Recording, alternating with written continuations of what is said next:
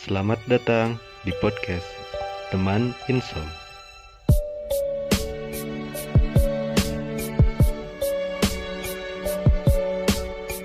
ada sebuah peternakan yang terintegrasi dengan sampah. Jadi di situ eh, ternak-ternak itu makan sampah-sampah organik. Tapi aku nggak mau bahas tentang itu guys, soalnya itu terlalu dalam gitu ya. Tapi aku mau lihat waktu di tayangan itu menunjukkan kondisi sampah yang begitu tum- bertumpuk loh. Itu menjadi lautan sampah. Karena aku kepo kan, aku searching loh. Ternyata data jumlah sampah di dunia itu menurut Saint Mark itu dari tahun 1950 itu produksi sampah sudah 2 ton per tahun itu di Indonesia itu di seluruh dunia nah s- terus di 2012 eh di 2015 itu dia ngeluarin data lagi loh datanya itu sangat mengejutkan yaitu 190 kali lipat dari tahun 1950 yaitu sekitar 381 juta ton per tahun oh, anjay. eh. Gila, gila. kalau di ton apa di kiloan Hmm, iya. sampah satu kilonya berapa itu Wah, itu nggak tahu, itu Terlalu dua banyak. ratus dua ratus ton bisa jadi 200. miliarder ya. Ya, ngapain ngumpulin sampah? Mending ngumpulin. dua ratus itu sama plastik doang apa sama yang organik? Semua. Udah di total itu ya. Seluruhan. yang baru-baru lagi ini ada organisasi pemerhati lingkungan tuh Greenpeace. Itu di Belanda. Itu ngadain ngadain Eh, ngadain demo tuh ke ngadain demo ke mana? Ke Nestle sama Uni sama Unilever loh. Dia itu menuntut supaya benar-benar di stop penggunaan sampah plastik yang sekali pakai. Jadi ini benar-benar udah krusial guys. Waduh, waduh. jadi mereka itu menuntut dengan mengarak eh, seperti bawa eh, apa boneka T-Rex gitu yang gede banget tapi monster T-Rex tapi terbuat dari sampah gitu loh. Hmm, iya, iya, iya. tapi kalau kata aku sih kalau demo-demo menyatakan aksi gitu doang perusahaan-perusahaan gede nggak bakal denger sih Ibaratnya cuma nengok-nengok dong, oh gitu, oh gitu. Ya udah, tapi nggak ada tindakan dari pihak terkait. iya. yang, yang paling bagus sih di Norwegia tuh jadi dia Di itu 0% sampah ya. pemerintahnya bukan itu jadi pemerintahnya ngadain suatu sistem yang kalau misalkan kita beli minuman berbotol atau minuman yang pokoknya yang mengandung plastik itu ada harga lebihnya jadi Ya, plastiknya ya? dibayar cuman kalau misalkan kita buang sampahnya tadi ke tong sampah yang udah disediain yang langsung terhubung sama recycle kayak gitu Oh. duitnya balik Hmm, Nah, jadi per, har- harganya eh, per botol ya. Per tinggi nggak? sampah. gimana harga Lumayan. bedanya tinggi Lumayan. nggak nggak tinggi kalau di kita paling mah cuman 500 200 gitu loh ya, kalau gitu mah Ya, Alfamart lumayan juga kan nerapin kan iya Alfamart yang nerapin cuman kan itu nggak nggak misalkan plastiknya kita beli tuh hitungannya kali itu jadi it- plastiknya tuh kita beli cuman kalau kita balikin lagi ke sampahnya ke tong sampah Tempat yang sampah udah kita dapat ke duit recycle ya. itu duit kita balik. Hmm. kayak gitu modelnya nah di situ yang diharapkan peran dari perusahaan-perusahaan tadi yang di demo-demo tuh. Nah, iya seperti harusnya- Unilever. nah kayak gitu dia udah mulai maksudnya ada tanggung jawab dengan produksi Hmm. dia gitu loh. Dia harus mulai menanam saham di perusahaan yang mengurus kayak gitu kan. Ya mungkin kalau but, em, untuk mencapai itu di Indonesia mungkin butuh waktu lah ya Ada waktu. susah nah terus ya itu kan yang yang paling penting kan masyarakatnya. Nah itu berarti kan tindakan real yang bisa kita lakukan walaupun sekecil mungkin itu apa kira-kira? Banyak tau. Banyak banget sih. Ya kayak di Instagram Instagram tuh sekarang lagi ngetren ini. Apa sih namanya? Anak Instagram banget. Dia anak sosmed apa aja? Iya dia lah ahli pakar sos Ahli. pengamat sosmed. Ahlinya ahli. anak milenial yuk ya gimana saya cuma kelebihan kuota. Gila gak sombong. Gak sombong. Selesai. kita siap tethering kok. Kuota malam. Ya Kuota insom ya. ada challenge aku lupa namanya challenge apa. Pokoknya itu challenge ini bener-bener challenge-nya berfaedah. Nggak kayak challenge challenge biasa kiki challenge cuma joget-joget doang. Ini mah challenge-nya Gimana, Bro? jadi kita foto di suatu tempat. Tempatnya tuh yang benar-benar bersampah banyak tuh nah Hmm, itu iya. foto pertama. Terus nanti foto kedua kita foto di tempat itu lagi tapi dengan udah keadaan bersih. Dan Oh. banyak kantong-kantong sampah di sebelah kita dipamerin. Ada berapa kantong yang kita bersihin. Nah itu- dua foto itu disandingin di post di Instagram di Twitter juga. Antara before dan after gitu ya? Oh. Iya. Ya udah sekarang kita foto sama Said. Nanti setelah itu kita karungin berarti. Bisa bisa menang ya. Nggak apa-apa deh kita mulai ya. kapan? Sama gitu baru-baru baru di daerah mana itu tapi bro? kok nggak sehangat belum hangat apa emang belum terlalu ya mungkin Mungkin itu karena kamu yang terlalu banyak bergelut dengan buku aja, Bu. hmm, Makanya- sih buku jangan buat karena aku punya. Facebook aku tuh main Facebook waduh jadi kalau kalau nggak ngetrend di Facebook tuh menurutku belum tren gitu Facebook nama-nama alay Setahu aku survei terakhir itu pengguna Facebook itu umur 30 tahun ke atas. ya. Iya berarti kan menunjukkan kalau penggunanya itu benar-benar dewasa iya Oh, dewasa secara umur. Balik lagi terus. ya itu jadi tapi emang belum di mungkin belum terlalu ini ya belum terlalu trending menyebar ke semua kalangan aksesnya juga belum ini kayak Ya dan menurut aku challenge-nya berat juga sih, Bro. tapi itu sampai di daerah aku Cicalengka Hah? ada Coba kamu main deh ke tempat pembuangan air sampah. Coba kamu bayangin. itu Ya. kan udah tempatnya salah salah jalan Nah itu yang lucunya di Indonesia sampah itu cuman sampai ke tempat pembuangan air sampah gitu loh Cuman ditimbun jadi lautan sampah gitu loh Ya maksudnya bukan salah pemerintah atau salah siapa sih emang masih minim kesadaran kita buat ngelola sampah itu? Terus suka banyak ini tahu spot-spot yang sebenarnya bukan tempat pembuangan sampah tapi ada satu yang pelopor sampah. Terus orang-orang pada ikut. Followernya banyak ya. Sampah, iya.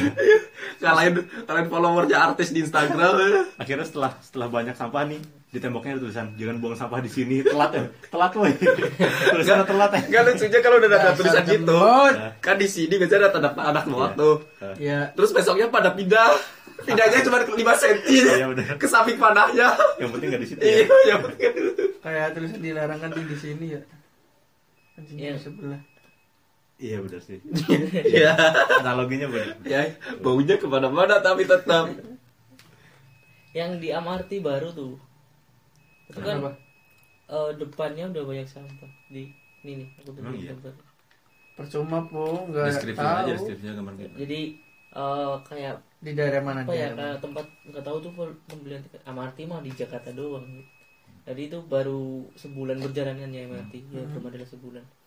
Cuman ternyata eh, di depannya itu di depan halte. kayak stasiunnya itu mungkin ya itu udah banyak buat sampah tuh bawah. waduh waduh itu kan gimana? sering orang pada ngantri buat masuk gitu loh. Ya itu. Sebenarnya kalau misalkan masyarakatnya belum teredukasi belum apa ya belum punya kesadaran ya mau sistem sebagus apa pun susah sih. Mau ada kantong plastik berbayar mau ada perusahaan rapin itu lagi. Tapi kalau masyarakatnya masih secara kultural tuh masih gini terus ya susah. ah belum peduli lingkungan ya udah nggak apa buang aja sampah sampah sobekan permen itu kan kita pasti nggak mikir kan sekecil sobekan permen ah, kecil puntung rokok juga itu kan kok aja tak kantongin loh Sebenarnya bukan kultur yang buruk sih menurut aku sih. itu mah Tapi- kultur buruk kalau menurutku Kalau menurut aku bukan kultur atau budaya yang buruk. gimana Tapi orang Indonesia itu kayak sedikit menyimpang dari kulturnya, budayanya atau udah mulai lupa dengan budayanya sendiri loh. Kalau diruntut dari belakang kan coba lihat dari nenek-nenek kita atau siapa mama kita deh. Dulu-dulu kan kalau beli ke, ke apa, pasar ke pasar, kan belanja Nah, kan? iya iya tahu tahu. bawa tas sendiri itu loh. Itu sebuah satu contoh yang realistis mengurangi sampah kresek contohnya itu kan. iya iya benar benar. Tapi kalau Kayak kata aku sih itu eh, faktor belum datangnya teknologi baru. Kantong kresek tuh teknologi loh. Kantong kresek tuh teknologi teknologi baru.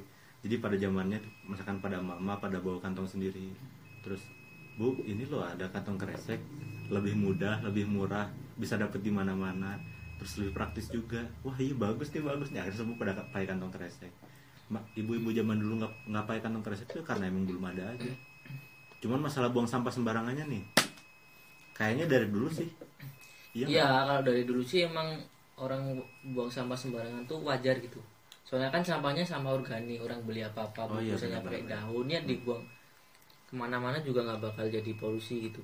iya benar sih Kalau orang zaman dulu kan modelnya tuh pakai masyarakat Jawa sih pawuan atau pawuan ya? iya pawon Pawuan, pawuan, oh pawuan tuh jadi eh jugangan, tuh jugangan juga nggak ngerti ya. Jadi Ini bahasa Jawa yang teramat kuno. nggak translate kuno, mas Japung yang Ah. dari Sleman apa namanya kita buat lubang itu di tanah Hmm. Hmm. hmm, satu meter lah atau setengah meter gitu Hmm. Nah dibuanginya ke situ terus dikubur Hmm. nah itu kan dipraktekkan sejak dulu karena sampah-sampah zaman dulu kan paling cuman hasil sabu-sabuan Iya daun-daun jatuh kan cuman kan kemudian makin ke sini plastik nih plastik yang dikubur nah botol itu aqua mereka tuh eh, nggak nggak ini nggak sebut merek. eh, pokoknya nggak belum belum sadar lah maksudnya kalau itu tuh beda dengan sampah Iya, kalau organik kan kalau dikubur malah jadi ngegemburin ya tanah ya. terurai ya. kalau itu kalau kan ini enggak. enggak malah rusak dan sampah plastik itu membutuhkan waktu yang teramat panjang buat terurai kan. Iya. Berapa tahun coba? Ribuan ya? ratusan tahun ribuan tahun bahkan. Tuh. Belum tahu sih. Tuh itu kan yang ngomong sesuai umurnya kan jadi tahu. Kan aku kemarin nguburin kamu bro. Plastik ya Dian. Mm-mm. sampah dia. Sampah.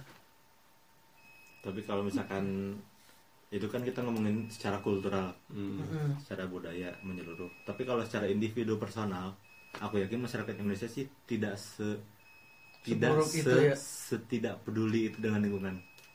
Mereka tuh peduli juga sama lingkungan. iya cuman oknum juga sih menurutku Ya. cuman oknum jadi paling cuman segelintir orang dari sekian banyak yang sadar Ya cuman emang sih sistem sistem dibentuk sebagai apa?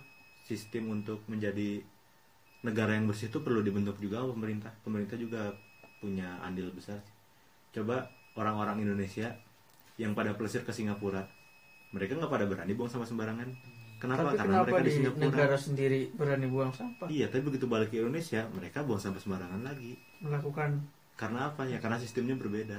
coba kalau Iya. di Indonesia menerapkan seperti di Singapura atau di negara yang maju gitu Hmm. mungkin menurutku sih nggak ada nggak ada oknum-oknum yang berani melakukan seperti itu sih menurutku Iya. Di Singapura gimana hit dendanya? Dendanya waduh itu dengar-dengar katanya ada yang nyampe berapa juta gitu terus aduh berapa ya pokoknya dendanya nyampe ada yang di penjara juga bro menurut Oh iya. iya iya kayaknya sih kayaknya. Tahu Dendanya di penjara. Ngeri banget ya. iya dendanya Ya, di penjara. Biasanya denda itu untuk mengganti hukum pidana atau perdata ya ya ya ya maaf maaf maaf Dimaafin. itu berdasarkan ya nggak tahu sih Iya. ngawur mungkin Nanti lain kali riset ya hit ya. ya siap siap bro, siap makanya ini main tuh jangan ke RT sebelah terus Singapura apa Malaysia gitu loh ini Hmm, nanti ajak-ajak kita tapi soalnya tiap hari ke LA bro Apa tuh? Lamongan Kok kalian sehati? sih? udah udah baik lagi ya lo Tuh. kan Persela Lamongan LA Mania Oh, iya. Oh ya kalian mau ngikutin bola lu pak lu jadi makanya jangan Ada bola luar chemistry negeri gitu loh. terus dalam negeri dong kalau yang udah diterapin baru di luar negeri itu ini nih mal-mal luar negeri itu sekarang bungkusnya tuh udah nggak pakai plastik lagi sayur-sayur itu kan dulu dulu di wrap itu kan pakai Oh. styrofoam terus di wrapping gitu Iya, aku Oh, tahu iya, di iya. Thailand tuh, nah Thailand. ya kalau sekarang tuh pakai daun pisang Iya. sebenarnya kan apa budaya kita maksudnya bukan budaya kita cuman kan di Indonesia tuh pernah bumi juga dulu Iya. zaman dulu Zaman dulu kan emang kayak gitu kan. cuman kan nah itu ternyata di luar negeri udah diterapkan berarti prinsipnya tuh back to nature gitu kan back to Iya. nature Tuh semakin menegaskan teori pola 20 tahun. apa itu Ada Oh, ada- iya. Ada ini pokoknya 20 tahun 20 setiap 20 tahun tuh trennya balik lagi ke 20 iya kan? tahun yang lalu Iya. Kayak sekarang aja musik terus gaya berpakaian udah banyak orang yang lebih ke ini old school old school gitu kan. Iya. Terus ini juga sama yang plastik tadi jadi pakai daunnya bungkus pisang lagi. tapi masih butuh proses Ya. Iya, kita mulai dari diri sendiri dulu lah. Seenggaknya kalau jajan ke Indomaret ya bawa tas sendiri. Iya emang sih. Yang paling penting tuh mulai dari jajan di toko ya bukan Indomaret ya Iya, ke toko. nanti ini disensor tit gitu Gak apa-apa sih Indomaret. Barangkali pemilik Indomaret mau nyponsorin kita. jelas amin Tapi sekarang udah April, Indo April kali ya. Iya iya.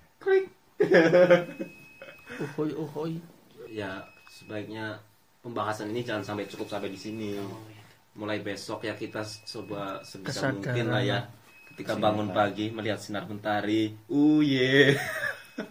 Anak reggae banget ini. Enggak, maksudnya ya reggae reggae kita inget-inget lah kita sebagai anak kos juga salah satu penyumbang sampah itu kan kalau beli nasi dibungkus gitu kan. Iya. kertas kertas bro. Kertas. Kertas Iya. laporan. Nih ada tiga gaya hidup yang bisa kita ubah, yang bisa kita ubah untuk mengurangi sampah plastik. satu. Seminimal minimalnya ya. Satu kantong belanja itu, Mm-mm. kantong belanja. Jadi setiap kita belanja ke Indo April tadi yang kata Japun itu, Mm-mm. setiap kita belanja ke Indo April kita nggak nggak usah pakai kresek mereka. Kita Bawa bawa, sendiri. kantong sendiri ya. Tiap kita belanja ke pasar pakai kantong sendiri. Terus aku konsep itu misahin makanan sama deterjen tuh apa sih itu? Emang em, Iya kan oh di, iya di sebenarnya itu biar nggak kena baunya aja sih baunya doang. kan? iya baunya Sebenarnya kalau disatuin nggak masalah kan? ya nggak masalah sebenarnya kan makanannya juga udah ada bungkusnya packaging lagi kan ada packaging lagi tapi kan kalau bau-bau deterjen emang kurang sedap sih nyengat bro masuk Nyer, bisa sebenarnya nyerap konsepnya cuman itu doang Aku tuh pernah di ya di toko kayak gitulah minta udah satuin aja mas plastiknya. Eh jangan nih. Kenapa kenapa mereka ngelarang ya? ya mungkin segi kan per- apa ya kalau kita ke toko-toko kayak gitu kan kadang plastiknya juga bayar 200 rupiah mungkin kan lumayan Iya. Iya, iya. mungkin mereka ah masa cuma 200 rupiah nggak mau sih gitu mungkin Iya, iya. oh kalau dua jadi 400 Justru mereka mau rugi ya. Berarti mereka ingin rugi. dia nggak mau rugi bro kalau kayak gitu ya itu yang pertama. ya baru satu kan udah dua berarti itu udah dua eh Baru satu baru kantong, satu kantong ya? kantong belanja. oh kacang belanja iya bener. Kantong belanja. ah yang Yang kedua. Eh, kalau ke mana-mana kita bawa nesting atau wadah mm, mm. makanan kirain nester Mm, jadi kalau misalkan kita pengen jajan pakai itu jangan pakai plastik misalkan kita pengen jajan cilok ciloknya taruh sini mang gitu lima ribuan gitu. iya ya udah berarti nanti kalau kalau beli cilor bawa wadah sendiri Ki. iya bawa beli cilor beli siomay beli cimol apa aja pakai dengerin wadah. kata ibu yang kedua yang kedua bawa Sike. tumbler eh yang ketiga ding yang ketiga itu kan yang ketiga. tumbler Bawa bukannya tumbler. lampu ya Tam, it- emang ada gimana sih ada Iya, lampu, tumbler tak buat tidur gitu. emang apa tumbler maksudnya tumbler itu apa sih botol? Oh tempat minum. Oh Nah. teman minum. oh tempat minum. Bawa itu itu buat minum. Hmm. mau diisi air putih boleh mau diisi beli jajanan misalkan beli es teh di jalan juga pokoknya pakai itu. Bisa untung banyak lagi ya? Iya, itu kalau misalkan kita sehari sehari-hari misalkan sehari kita belanja. Terus habis itu kita biasanya sa- beli makanan beli jajan. Terus habis itu kita beli minuman juga dengan diganti dengan gaya hidup yang aku sebut tadi kita udah ngurangin berapa sama plastik iya Iya terus Iya kita kan? juga untung banyak bro iya Ini contoh nih, misalkan nih kamu beli es teh tuh cuman plastik, resek kan cuma satu plastik tuh. Iya. Nah misalkan kamu bawa botol sendiri, ukurannya satu liter, Iya. ya kan? Ya, lebih Barangkali bisa kan? satu liter kan, Iya. Bisa untuk kelas kan? iya Tuh, bisa untuk satu kelas bro. lumayan dan aku tuh ngebayangin ya punya cita-cita di dalam pikiran tuh Uh, wih punya kita aminin nggak nih? Iya boleh Yang semuanya di pikiran yakin? ngebayangin tuh sosialisasi tentang sampah ini tuh sampai di seluruh masyarakat Indonesia. Tiap orang tuh paham sama ini. Nah, kalau misalkan benar-benar mereka nerapin minimal tiga itu aja, belum sama sedotannya. Kalau sama sedotannya jadi empat. Mm. Kalau nerapin yang itu tadi, berapa sampah plastik yang kita kurangi tiap tahun? Iya tuh. Bro, Iya, tenang bro, aku doain kamu jadi bupati bro. Wah, siap. Biar kamu bisa mensosialisasikan itu. Kalau aku jadi pemimpin ya, tiap perusahaan-perusahaan gede yang ada di daerah aku, aku larang pakai sampah plastik. Kan kamu di desa bro, nggak ada perusahaan bro. Iya sih. Kita kita lihat kan ada perusahaan. tapi tadi perasaan dia nitip sayur nggak ngebawain nesting Ya, Oh. jadi kan baru apa ya? Baru baru- baru sekarang. baru dapat semenjak kita insom pertama ini. Iya. baru dapat kan ilham ini ya insom pertama kita primer. Mulai besok bareng-bareng Premier. Ya. Ya. bareng-bareng kita para podcaster dan para pendengar mulai Iya. besok ya. besok Setidaknya bangun pagi ada yang diinget lah ya tentang kita. beli Saya sayur. Oh iya, sama yang kelima satu lagi tuh buat yang rokok tuh kalau misalkan Oh iya, habis rokoknya yang di ber gitu kan. iya. kayak di jalanan ya buang sembarang. Di mana Nah, ini anak jalanan tahu nih ceritain. minimal dikantongin apa ya gitu ya. Iya di kantong waktu matamu dikantongin cok mataku dikantongin gimana?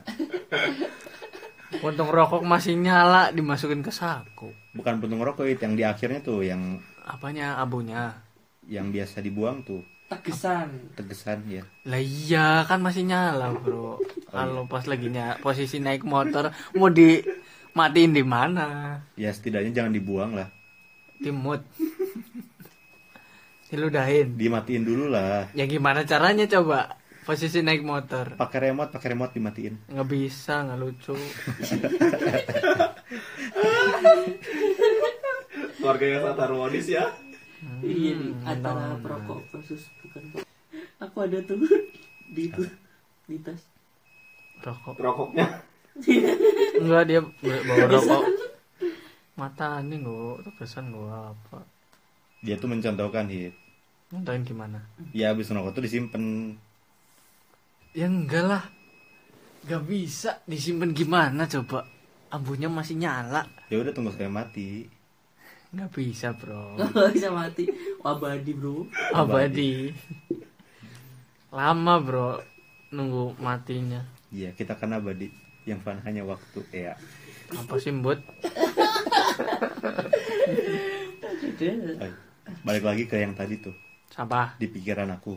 Mm-mm. yang kalau setiap orang di Indonesia mulai sadar ya? mulai nerapin itu dan Sadarlah, ngebayangin sadar. betapa banyaknya sampah yang berkurang itu kita bisa turun peringkat jauh tuh kayaknya.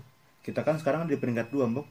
Iya di peringkat dua di dunia. penyumbang sampah terbesar di dunia ke lautan prestasi. Itu pres Indonesia selalu berprestasi dalam hal buruk. Enggak, korupsi Enggak sebenarnya kemacetan sampah. sebenarnya buat menyadarkan itu mungkin teman-teman kita itu Hidup, kalau iya. secara audio doang mungkin kurang paham ya. Maksudnya Harus kurang, ada. kurang mainnya kurang loh. Maksudnya mainnya ke tempat wisata doang gitu loh Hmm. mungkin mereka tinggal di komplek kan buang sampah ke tempat sampah Hmm. nanti kan di kom- komplek udah ada yang ngangkutin Oh, diantar ke itu kan penampungan akhir sampah kan Hmm. mereka itu nggak pernah main ke tempat-tempat kayak gitu yang begitu miris gitu loh ke ini ya, mencemari lingkungan hidupnya mewah bro membahayakan tetangga-tetangga yang di sekitar lingkungan itu loh. Maksudnya mereka itu nggak pernah lihat sesuatu yang negatif, padahal itu perbuatan kita juga gitu loh. Iya benar sih manusia itu sebenarnya manusia makhluk sosial itu nggak nggak bener-bener banget sih manusia itu makhluk individual ya gak iyalah manusia kenapa kalau bener-bener manusia itu makhluk sosialis masuk sosiologi Enggak, kalau bermanusia masuk sosialis. Misalkan ada apa ya? Kayak oh ya, ojek online. Ojek online ada keputusan pemerintah yang merugikan ojek online misalkan. Ojek online apa itu dihapus itu. Terus kan yang protes ojek pada oh, ojek online ojek doang. online doang. Kita mah karena keputusan tersebut tidak berpengaruh sama kita, kita nggak nggak nggak ngebantu ojek-ojek online terus turun ke jalan bersuara tentang mereka. Cuman yang yang merasa dirugiin doang yang turun. Iya kan? iya iya iya iya. benar-benar Sama kayak tadi sampah. Iya. Jadi kalau benar-benar orang yang pernah ngerasain apa ya nggak enaknya di, tinggal di lingkungan yang bersampah itu kayaknya mereka nggak bakal terlalu peduli banget. Ya contoh nih aku nih tinggal di antara sampah-sampah masyarakat nih guys. contohnya kamu Sama masyarakat yang berusaha untuk Merecycle dirinya sendiri. dia sendiri. cuman sebenarnya kita kalau pengen lihat contoh sampah di kompleks tuh banyak tuh keluar aja gang nih nih ke situ aja kiri jalan banyak banget Iya maksudnya mereka itu mereka itu sebenarnya manusia itu menurut aku teredukatif itu paling efektif melalui visual gitu loh. Jadi ketika mereka udah melihat contoh real di lapangan, mereka baru akan sadar gitu, terenyuh hatinya gitu loh. terenyuh sebentar gitu kan. doang bro Makanya kan waktu itu kan pernah kan kontrakan kita melewati tempat sampah kan. iya Ya itu benar bukan penampungan akhir ya, baru penampungan sementara ya. Iya. Itu aja udah mencemari lingkungan sebesar itu kan. Iya, benar. nah di situ aku juga udah mulai merasa ternyata ini sampah sebuah masalah yang benar-benar perlu ditanggepin oleh setiap individu, di dunia ini loh. Tuh nggak ngebayangin sama orang-orang yang benar-benar tinggal daerah kayak gitu ya bro. Ya itu mungkin karena faktor faktor biasa bukan faktor ekonomi atau Iya. faktor emang dia cuma bisa tinggal di situ. Kayak pasti kayak gitu sih. Hmm. Nggak mungkin ada yang orang. Iya. Aku sebenarnya bisa tinggal di Bekasi, tapi aku milih tinggal di Bantar Kembang aja lah. Nah itu kan nggak mungkin. Nggak mungkin ya. ada. Iya. cuman kan kalau eh, ekonomi udah merata mungkin Iya. Dan harus tinggal di kota Tapi aku oh nggak iya nggak ini sih nggak nggak apa nggak setuju sama konsep ekonomi merata. Aku nggak setuju sama konsep kesejahteraan. Kenapa emang? Kalau semua masyarakat sejahtera, nanti ini bro, apa ya bahasanya? ya? Kalau semua masyarakat sejahtera, kita tuh bakal menemui banyak kesulitan Kesulitan Dalam hal di Belanda nih. Belanda Belanda itu masyarakatnya se- semuanya sejahtera. Hmm. iya. Tapi karena saking sejahteranya, mereka tuh dituntut untuk mandiri. Waduh, waduh, waduh. waduh. Kenapa? Kalau misalkan atap mereka bocor, mereka berdiri sendiri. Kalau mereka mau bangun rumah, mereka ya mungkin nyewa kulit, tapi kalau masang keramiknya sendiri, ngecatnya sendiri, kenapa? Soalnya biaya jasa di Belanda itu mahal banget. Bahkan tukang cukurnya juga bisa sampai kalau dirupiahin 100 ribu sekali cukur. Mantul. Soalnya apa?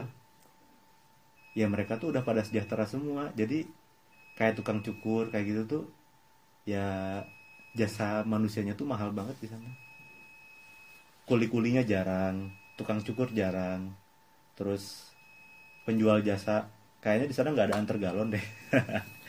Nggak, menurut aku Dewa aja nggak ada. menurut aku definisi se- apa kesejahteraan itu bukan seperti itu ya maksudnya sejahtera itu dalam arti nggak ada orang yang berada di zona merah atau di garis kemiskinan gitu loh. Iya. maksudnya bukan berarti orang semua kaya bukan atau udah e, menengah ke atas bukan. Maksudnya nggak ada yang di bawah garis merah yang sangat miris itu maksudnya. Nggak ada orang kelaparan gitu kan. Maksudnya dalam sejarah itu dalam arti kedamaian terjadi di di negara itu gitu loh.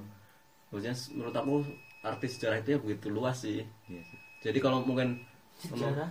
sejahtera kalau cuma maksudnya bu- ketimpangan ekonomi atau kesenjangan itu nggak terlalu jauh. Maksudnya kalau menurut aku kalau semua kaya itu kayaknya kemungkinannya kecil loh. Iya, makanya mungkin setuju sama iya itu kayaknya peluangnya mungkin malah nggak ada. Ya mungkin ada tapi kecil kan. Iya. mungkin di Belanda faktor itu mungkin karena bisa jadi karena menghemat biaya kan bisa jadi mereka ngelakuin seru itu bisa mandiri sendiri atau mungkin ya karena tadi biaya mengundang orang itu terlalu mahal mahal banget iya sih. karena jarang kuli di sana tuh jarang jadi banget. menurut aku itu aku menurut aku malah itu apresiasi terhadap seseorang yang melakukan pekerjaan itu loh jadi Iya. jadi menurut aku malah itu malah bagus Iya. Hmm. Di Indonesia juga sebenarnya bisa sih kalau mau nerapin kuli mahal, tapi karena kulinya banyak banget di Indonesia, jadi nggak bisa. Jadi mereka bersaing harga, Oh, iya, Iya kan? Mau nggak mau? dan orang-orang orang-orang mau dibayar murah tuh karena apa? Karena ya mereka himpitan ekonomi susah. Udahlah, aku biarin jadi kuli juga nggak apa dibayar rendah. Udah mau nggak mau harus buat makan ya. Betul nggak? iya benar dan Kalau misalkan mereka udah sejahtera ya udah, ya mending nyari kerjaan lain lah, apalah, nggak nggak usah nguli lah. Soalnya kuli jadi sedikit nih, kuli jadi sedikit, akhirnya setiap kuli yang ini bayar patokannya mahal. Mungkin seperti itu. iya sih benar iya benar Balik lagi ke prestasi Indonesia nih. Prestasi Indonesia dalam hal-hal buruk. cuman ya nggak nggak gitu juga sih maksudnya Seburuk-buruknya. Iya, Indonesia selalu selalu berada di peringkat teratas tuh dalam hal-hal buruk.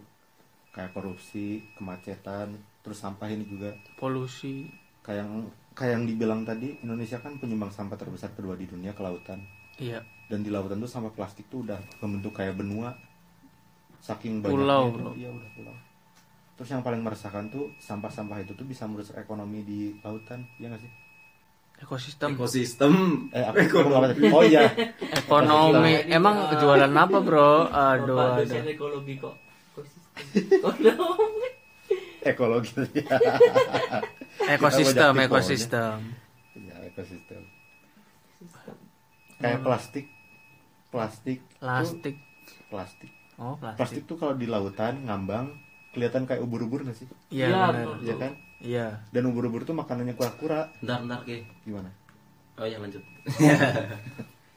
Iya jadi gitu. Jadi banyak kura-kura salah makan kura-kura salah makan. Akhirnya mereka diare. Eh enggak juga sih. iya Mati bro, Kura-kura mati. salah. Iya. Terus Terus kadang juga ada yang ini kayak kemarin tuh lihat di berita ada kura-kura yang hidungnya itu kemasukan kayak batang kayu gitu loh. Jadi dia itu karena mungkin taunya makanan ya akhirnya dia dia makan tapi nggak taunya itu Makannya lewat mulut kura-kura. nggak ya gimana ya aduh Nggak kan batang kayu Ngeri, bukan bro, ngeri, batang kayu bukan sampah plastik gitu. Enggak Oh, iya. Kura-kura makannya lewat mulut. iya dong. Eh lewat mulut lewat hidung. nggak tahu itu pokoknya Mungkin lagi ngelawak. eh Eh salah masuk ya masuk beneran. Gak menurut aku sih itu makanya pas mati lampu bro. eh Di lautan kan ada lampu. Bro. Anda lebih konyol lagi Anda. Ini ceritanya di Ini ini bottom. Oh gimana? goodbye begini bottom Tapi sebenarnya keberadaan lampu itu juga merupakan polusi buat hewan-hewan tuh. Kenapa tuh? Jadi kan bagi hewan-hewan yang terbiasa hidup di hutan gitu kan misalkan malam ya udah gelap gelap banget gitu. Hmm. Cuman kan gara- gara-gara ada lampu, gara-gara ada lampu nih. Hmm. Malam kan nggak terlalu gelap tuh, terang. Maksudnya kadang tuh hewan-hewan masih pada bingung tuh. Oh kok masih terang berarti kan belum belum malam berarti belum saatnya tidur berarti mereka masih beraktivitas. Begadang ya. Nah itu makanya Nah terus yang nocturnal kasihan juga ya bro. Iya yang nocturnal tuh kasihannya di Iya. nggak punya waktu. siangnya makin panjang ya. Ya berarti mereka ini ya. Kayak udah berubah pola tidur ya berarti. Apa? Iya macam-macam manusia gini gitu. loh. Oh, berarti hewan juga ya, bukan manusia doang. Iya hewan juga mulai kayak gitu. sebenarnya. Kayaknya kita mau jadi nocturnal bentar lagi. Iya. jadi Batman kayak Tian Lama-lama sistem dunia juga berubah. Kuliahnya di kuliah malam. Nah bro, tadi aku tertarik sama pembahasan kamu Indonesia prestasi dalam bentuk hal negatif ya. Hmm. Sebenarnya yang ngomong kamu nyebut kayak gitu juga nggak salah, tapi menurut aku membuat di kepala kita itu kayaknya kita membuat hal-hal negatif jelek-jelek yang kayaknya ki- kita itu buruk banget itu loh. Iya, iya, iya. Kamu kayak contoh berita tuh, kan lebih dari 70% isinya berita negatif kan. Padahal berita positif itu banyak yang perlu yang bisa membangun kita loh. Iya, iya. Contoh kemarin kan Indonesia menyelenggarakan Asia Games berhasil kan. Terus tentara Indonesia termasuk berapa besar di dunia itu yang tentara elitnya yang Iya, iya, iya. itu kan. Hmm. Jadi Yang apa? kalau sudut sudut pandang orang Indonesia selalu mengatakan hal-hal yang negatif juga bakal menurunkan tingkat prestasi kita kayaknya deh. Bener kata orang-orang apa yang kita katakan tuh yang jadi yang bener Nah. kejadian ya nggak sih? Hmm. Dan itu juga emang- contoh nih, katanya kita kan waktu pelajaran sejarah Indonesia dijajah berapa 350 tahun. Nah, Terus sekarang ada yang berpendapat lagi itu yang membuat Indonesia loyo. Kita dijajah 350 tahun aja kita cuma dijajah doang kayak gak ada perlawanan kan. Ada yang lagi berpendapat ini Indonesia itu dijajah cuma 15 tahun. Sisanya itu perlawanan. Nah, berarti kan kita melawan, gak seburuk itu kan dijajah 350 tahun gitu kan. Iya. Jadi kita itu terlalu banyak pikiran-pikiran negatif dalam pikiran kita. Jadi mungkin karena hal itu terrefleksinya itu hal-hal yang negatif gitu. Karena jadi pikiran kita negatif, refleksinya hal-hal negatif. Contohnya jadi kita buang sampah sembarangan gitu. itu berarti 335 tahun perlawanan nih. Iya. tapi kok nggak Berarti- nggak merdeka merdeka ya Nih, aku dan saya ini salah satu contoh real orang Indonesia. Iya. Ada berita positif pun dibikinnya Iya, negatif. itu. itu. Terkadang aku sendiri loh, aku sendiri bangun pagi itu berusaha berpikir positif itu susah banget ya. Emang berpikir positif itu harus Iya, perlu perubahan dari internal kita sendiri gitu loh. Iya, jadi ada berita positif nih. Kita mikir melalui sudut pandang negatifnya gimana nih. iya iya benar. Jadi orang Indonesia banget ya. dasar Benar, netizen benar. Nah, makanya Cuman kan kalau yang di yang dibilang Tian bener sih. Iya. Eh, sisanya perlawanan tuh emang bener perlawanan. Cuman kan perlawanan di awal kali perlawanan tuh kan masih bersifat iya kedaerahan. kan Jadi- proses. Jadi misalkan nih di daerah Maluku udah mulai melawan, cuman di daerah Jawa mungkin belum itu belum panas gitu. Jadi kalau dibilang Indonesia dijajah 350 tahun, ya mungkin bener. Cuman yang dijajah tuh bagian mananya gitu. Misalkan di Iya, sini tapi aku- ya bener. tapi menurut aku cuman Guru-guru sejarah itu perlu menginformasikan hal ini loh. Biar ke kesan- Perlu banget sih. Iya. udah salah kaprah perlu ya. banget kan bahkan informasi ini menurut aku begitu penting buat anak-anak yang belum tahu apa-apa kan buat anak-anak yang wawasannya masih kurang maksudnya ya mereka butuh wawasan sejarah tapi ya jangan cuma dari satu sudut pandang gitu loh Itulah kenapa salah satu cita-cita aku tuh pengen jadi guru. ya udah sana Cuman Amin. sampai beberapa tahun ke- beberapa tahun aku mengeliminasi itu karena tahu guru itu honornya nggak nggak gede-gede banget Nah iya makanya guru dapat sebutan pahlawan tanda, tanda jasa bro. iya sih. Kalau dosen nggak pahlawan tanda, tanda jasa bro. jasanya gede ya Jasanya gede. nggak usah jadi dosen itu berarti untuk merevolusi Indonesia sih revolusi Yo, Lewat. iya, ini kok mulai mulai bahaya nih kita nih. revolusi. Mana? Nanti dikira 4.0 oh, revolusi industri. Ya. berarti lewat gurunya harusnya Oh iya. lewat kesejahteraan guru balik lagi dong Ya sih. Menurut aku pertama ya mulai dari pikiran positif itu dulu. Terus mulai bertindak tindak positif. Lakukan hal positif sekecil mungkin apa pun itu bro. kalau pikiran positif di kal- di kalian ada ini nggak saran-saran gitu gimana cara membangun pikiran positif setiap Nah. harinya gitu ada nggak Ada, Ada, bro, ada, coba ada. tuh tengok ke kanan. Ada tulisan. Oh have you Nah. open the window open the Nah, window. terus, eh, Yang dibuka jendelanya. hordenya doang Nah, terus ada tulisan tuh di kaca tuh lagi You kelihatan. open window. tapi yang dibuka hordenya doang tadi Ya di kaca nggak tulisannya nggak kelihatan. Morning routine. Oh, Oh ya, jadi informasi nih. Ini aku lagi tidur di kamar di kamarnya Fajar kedua nih, di kamar Japung. Jadi aku lagi di kasur dan sebelahnya tuh ada meja tulisannya ada meja terus ada kertasnya tulisannya wake up open the window now. Terus abis ini kan buka jendela tuh di jendelanya ada tulisan lagi. Tulisannya tuh pokoknya isinya apa?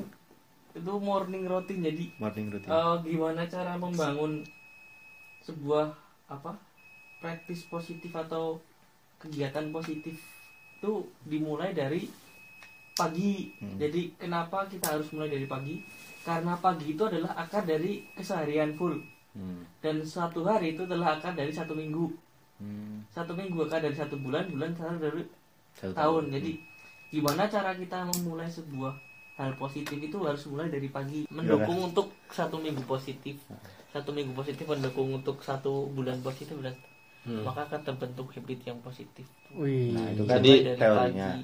nice Jadi nice, nice. intinya itu Bukan teori bro, itu sebenarnya udah ada yang praktis. Jadi Bill Gates, Barack Obama, terus Oprah yang industri. itu enggak mereka tiap pagi itu exercise dulu jadi pagi mulai dari eh, cycling ya nggak- nggak cy- ada yang cycling ada yang jogging gitu jadi pokoknya pagi-pagi itu dimulai dengan hal yang positif ah kayak gitu terus akhirnya ya kalian tahu sendiri lah Barack Obama itu siapa Bill Gates itu siapa Ya, kalau kamu sendiri gimana cycling? Eh apa? Nah, morning routine belum Baru itu diterapin. eh, ke- kebetulan baru belajar tadi ya jadi belum belum menerapkan baru besok pagi nih mau mencoba Eh, Sama kita, kita sama lihat besok. ya. Kita lihat besok. Cuman kalau sebenarnya masyarakat Jawa sendiri atau masyarakat Muslim tuh sebenarnya udah melakukan praktis itu juga Betul, sebenarnya. betul, betul. Kan tiap pagi sholat subuh tuh, Iya. itu kan dimulai dari subuh hal yang positif juga. Pagi subuh ke masjid, terus pulang, terus ngapain, Zikir masak dulu. ya gitu kan. Cuman mungkin kita yang baru-baru ini kan lebih apa ya, lebih merasa wah sama hidup-hidup orang yang udah gede gitu kan. Iya. Tapi sebenarnya hal-hal kecil kayak gitu tuh gede udah dimulai sendiri di masa Kalau kamu gimana ya? Punya satu yang bikin pikiran positif gitu kan kata kamu yang penting harus pikiran positif, pikiran positif. Nah itu sebenarnya udah hampir sama sih. Paginya itu minimal dengan berpikir positif. Hmm. Kalau pikiran udah positif, insya Allah refleksi kita itu ya bakal positif positif. Terus jadi kata-kata yang keluar itu baik, nggak ngomong-ngomong yang biasa disensor itu. Pokoknya Nah, pagi-pagi tuh kalau udah kita pikir positif insya Allah selama satu harinya itu nah satu hari full insya Allah tapi ya kita juga harus mengingat hal-hal yang dilarang, jadi kita nggak melakukan itu.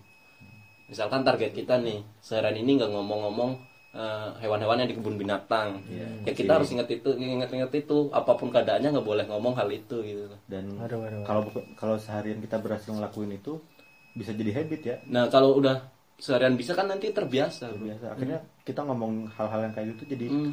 Nggak nggak nggak biasa lidah kita nggak nggak nah itu dibiasain Ya, cuman, kayak sama eh, bro. bahayanya habit yang negatif tuh kadang misalkan nih kita udah seminggu bisa kayak gitu Iya. nah sekalinya tiba-tiba kejeda sehari aja Nah. nih pakai habit ber- buruk itu kita bakal balik lagi ke Iya. buruknya ke distractnya tuh gampang banget ya. Iya, itu cepet. dia. Lebih Jadi cepet. sesuatu hal yang udah dimulai kebiasaan itu harus benar-benar konsisten ya Iya. Kalau kata orang-orang itu 40 hari itu. Kalau kita bisa ngelakuin sesuatu selama 40 hari berturut-turut, kata siapa dia- kata orang-orang Kata orang-orang. kata orang berarti Jawa. kata Pepsodent lebih cepet ya Pepsodent tuh bilang 21 hari doang Apa ya? iya Kalau gimana Hip? nyebut merek kalau aku punya sih ini enggak? kalau aku sih sependapat sama si Capung Hmm, gimana? ya gitu maksudnya dia itu dia Yang penting pagi-pagi ya. ya, Pagi-paginya yang penting di pagi bangun lakukan akti- aktivitas yang positif ya kalau kita yang warga muslim sih biasanya itu kayak sholat malam eh sholat subuh sorry Iya nggak apa-apa sholat malam dulu. eh sholat malam juga iya ya Sholat subuh tuh bagusnya di masjid ya Hid ya. ya jamaah bagusnya bagusnya Bagusnya. tapi kadang ya di kosan sih Kadang juga di kosan kita udah insom nih. udah nggak nggak tidur sampai pagi. Eh Dengar ada subuh tapi di kosan aja lah. Padahal Dekat. deket banget. di deket banget tinggal keluar gang katanya kalau misalkan orang-orang pada tahu ya kalau orang-orang pada tahu seberapa gede pahala sholat subuh berjamaah di masjid misalnya orang-orang tuh bakal ke masjid subuh subuh walaupun mereka harus perangkat saking gede kalau dari aku sendiri sih gimana cara bangun pikiran positif banyakin nonton berita-berita positif emang sih tapi kultur media kita tuh kayak yang kata Tian tadi 70% berita negatif ya. hmm. ya bisa Iya, dikatakan Ya udah, lebih dari 70 ya udah kita nontoninnya 30% aja. yang 30% ini nontonnya di net aja iya. Eh, Mulai kita kan online. sehari-hari ini pegangannya HP. Ya buka story lah. Hmm. iya, pokoknya kalau misalkan kita kita kan mainannya ini media sosial ya, iya. Kayak Instagram, Twitter, ya udah follow-follownya akun yang positif. Aku di Instagram tuh ada salah satu eh di Twitter salah satu akun yang lumayan jadi bagus main nih. Twitter. Indonesian Good News pokoknya itu isinya ya good yang news positif. from Indonesia. Ya Good News from Indonesia itu. Pokoknya isinya tentang Eh, berita-berita kalau di Instagram bro Instagram Instagram aku nggak punya rekomendasi sih. Ikut yang muslim muslim bro. Eh, ijakri ijakri ya. Hijrah kui itu podcast. Wah kita promosiin akun Oh, oh iya. nggak apa-apa deh nggak apa-apa. Dapat pahala bro. Itu tuh apa namanya? Hai. Indonesia tanpa pacaran. Aduh. Eh ini joinnya bayar. Dia-nya iya nih bayar. anggotanya. Gak, gak, gak. ini satu jam bro btw. Iya, apa-apa siapa yang ngentut Tian boker salian Lah orang sakit kok. Aku yang disuruh. lah kamu tadi dikatain saya gak melakukan pembelaan ya? Ya kan dikira kamu iya Nah kan ini aku mau belain. Nyalain siapa? oke guys. Info malam ini cukup sampai di sini dulu. Tidur tidur ya, kalau semoga- masih pengen insom ya lanjutin aja nggak apa-apa. Ya, semoga ntar bangun tidur ya, ada hal yang positif lah. Ya ingat-ingat. Ada yang keinget-inget lah, satu dua hal dari kita yang Jar- ngomongin nggak tahu apa tapi semoga ya. berdampak positif bagi kalian